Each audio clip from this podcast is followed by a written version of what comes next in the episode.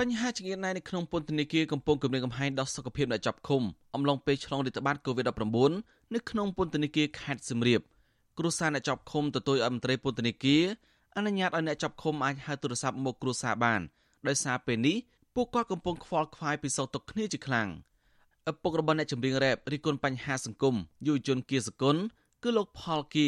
ប្រាប់ថារយៈពេល5ខែមកហើយដែលលោកពំបានជួបមុខនឹងសួរសុខទុក្ខកូនប្រុស ដែលកំពុងជាប់ឃុំក្នុងពន្ធនាគារខេត្តសៀមរាបលោកបន្តថាមន្ត្រីពន្ធនាគារប្រាប់ថាកូនប្រុសលោកមិនមានបញ្ហាសុខភាពទេប៉ុន្តែលោកនៅតែព្រួយបារម្ភខ្លាំងពីស្ថានភាពកូនបន្ទាប់ពីបានដឹងព័ត៌មានថាអ្នកចាប់ឃុំមួយចំនួននៅក្នុងពន្ធនាគារខេត្តផ្នែកបរោះបានឆ្លង COVID-19 លោកស្នើអាជ្ញាធរពាក់ព័ន្ធដោះលែងកូនប្រុសរបស់លោកដែលបានអនុវត្តទោសចិត្តចប់ដើម្បីកាត់បន្ថយភីចង្អៀតណែននិងទប់ស្កាត់ការឆ្លងរាលដាលជំងឺកាចសាហាវនេះ ចិត្តនឹកចេះសំណពរជារឿយៗរហូតហើយសូមឲ្យតែអាជ្ញាធរជួយដោះលែងឲ្យបានឆាប់នឹងកាន់តែអរនេះគឺវិញតិចខែទៅហើយតើអាចដោះលែងមុនមកខ្ញុំសប្បាយចិត្តដែរខ្ញុំការលើកឡើងនេះបន្ទាប់ពីរដ្ឋបាលខេត្តសៀមរាបប្រកាសរកឃើញអ្នកចាប់ឃុំនៅពន្ធនាគារខេត្តសៀមរាបផ្នែកស្ត្រី26នាក់បានឆ្លង COVID-19 នៅថ្ងៃទី13ខែកក្កដាដោយក្នុងនោះមានជនជាតិខ្មែរ23នាក់និងជនបរទេស3នាក់ចំណែកផ្នែកបរោះវិញមានអ្នកចាប់ឃុំ5នាក់ទៀត ក៏បានឆ្លង COVID-19 នៅថ្ងៃទី15ខែកក្កដាដែរវិទ្យុអេស៊ីសរ៉ៃមិនទាន់អាចតតងសុំការបកស្រាយអំពីរឿងនេះពីអភិបាលខេត្តសៀមរាបលោកទាសីហា និងលោកភៀនឆវ័នប្រធានផ្នែកពន្ធនាគារខេត្តសៀមរាបបានទេ នៅថ្ងៃទី17ខែកក្កដាដោយទូរស័ព្ទហៅចូលតែពុំមានអ្នកទទួល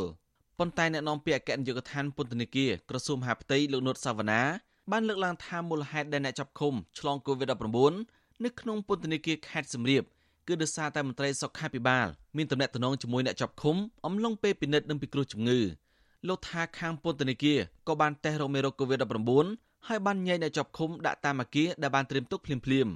លោកបញ្ជាក់ថាខាងពន្ធនាគារបានរៀបចំអ្នកជំងឺ Covid-19 ស្រាលស្រាលឲ្យដាក់សម្រាប់ព្យាបាលនៅក្នុងពន្ធនាគារចំណែកឯអ្នកជំងឺធ្ងន់ធ្ងរបញ្ជូនទៅមន្ទីរពេទ្យ បញ្ហាប្រឈមគឺទី1កត្តាសុខភាពទី2គឺកត្តាសន្តិសុខទោះបីយ៉ាងណាយើងប្រមូលកម្លាំងមន្ត្រីយើងជុំគ្នាហើយនឹងមានការអន្តរាគមន៍ពីគណៈវិជាការឯកភាពខេត្តបច្ចុប្បន្ននេះវាអត់មានបញ្ហាទេហើយសូម្បីតែអ្នកជំងឺដែលកើតហើយហ្នឹងក៏គាត់ខិតខំព្យាយាមទួលការព្យាបាលពីគ្រឿងដែរយើងខិតខំថែទាំពួកគាត់ឲ្យបានឆាប់ជាអញ្ចឹងមានការធ្វើតេស្តជាប្រចាំខាងសុខាភិបាលខេត្តគេរៀបចំ schedule គេតាមហ្នឹង បើទោះបីជាយ៉ាងណាសាច់ញាតិអ្នកចាប់ឃុំបារម្ភជាខ្លាំងអំពីស្ថានភាពរីករាលដាល COVID-19 នៅក្នុងពន្ធនាគារនេះហើយពួកគេទទូចឲ្យមន្ត្រីពន្ធនាគារជួយយកចិត្តទុកដាក់ថែទាំសុខភាពអ្នកចាប់ឃុំហើយជួយពន្លឿនរកវិធី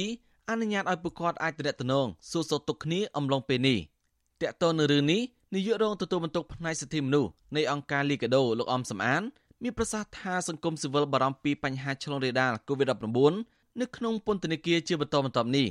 លោកមើលឃើញអំពីស្ថានភាពពន្ធនាគារទៅនេះមិនទាន់សមស្របតាមបទដ្ឋានទេ ដែលធ្វើអ្នកចាប់ឃុំប្រឈមឆ្លងជំងឺជាពិសេសអំឡុងពេលឆ្លងរាលដាល COVID-19 មន្ត្រីសង្គមសវរមនេះបន្តទទួលអាជ្ញាធរពាក់ព័ន្ធដោះលែងអ្នកចាប់ឃុំកម្រិតស្រាលហើយអ្នកចាប់ឃុំម្ដងអាសន្នដើម្បីកាត់បន្ថយបញ្ហាចង្អៀតណែននិងប្រឈមការឆ្លងចូលពន្ធនាគារ ថ្ងៃថានៅក្នុងពន្ធនាគារអាភាពចង្អៀតណែន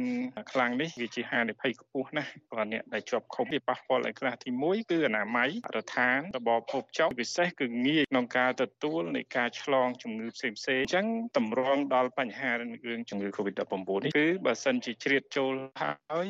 រាលដាលវានឹងមានហានិភ័យខ្ពស់ណាស់សម្រាប់ពន្ធនាគារអញ្ចឹងហើយបានយើងជាអង្គការសង្គមស៊ីវិលដែលធ្វើការផ្នែកសិទ្ធិមនុស្សតែងតែទាមទារឲ្យដោះស្រាយភាពចង្អៀតណែននៃពន្ធនាគារនេះដើម្បីជាការប្រយោជន៍ក្នុងការជួយទប់ស្កាត់ការរីករាលដាល COVID-19 ក្នុងពន្ធនាគារនោះបាទកាលពីថ្ងៃទី7ខែកក្កដាកន្លងទៅមានមន្ត្រីនិងអ្នកចាប់ឃុំនៅក្នុងពន្ធនាគារខេត្តសៀមរាបនេះចំនួន19នាក់បានឆ្លង COVID-19 នៅក្នុងនោះរួមមានទាំងប្រធានពន្ធនាគារខេត្តលោកភៀនចវ័នផងដែរក្រៅពីពន្ធនាគារខេត្តសៀមរាប COVID-19 បានឆ្លងចូលដល់ពន្ធនាគារប្រមាណ10កន្លែងដែលមានអ្នកចាប់ឃុំហើយនិងមន្ត្រីអនុរិយពន្ធនាគារបានឆ្លងជំងឺរលាកភ្លើងដង្ហើមប្រភេទថ្មីនេះ នៅក្នុងនោះមានពន្ធនាគារនៅភ្នំពេញខេត្តកណ្ដាលខេត្តកំពង់ស្ពឺកំពង់ឆ្នាំងនិងពន្ធនាគារមួយចំនួនទៀតមន្ត្រីគ្រប់គ្រងពន្ធនាគារបញ្ជាក់ថាអ្នកជាប់ឃុំ3នាក់ហើយបានស្លាប់ដោយសារ COVID-19 ប៉ុន្តែខាងពន្ធនាគារមិនដែលបានបញ្ជាក់ប្រាប់តួលេខជាក់លាក់អំពីចំនួនអ្នកជាប់ឃុំដែលឆ្លង COVID-19 នោះទេខ្ញុំសនចាររថាវិទ្យុអាស៊ីសេរីរាយការណ៍ពីរដ្ឋធានី Washington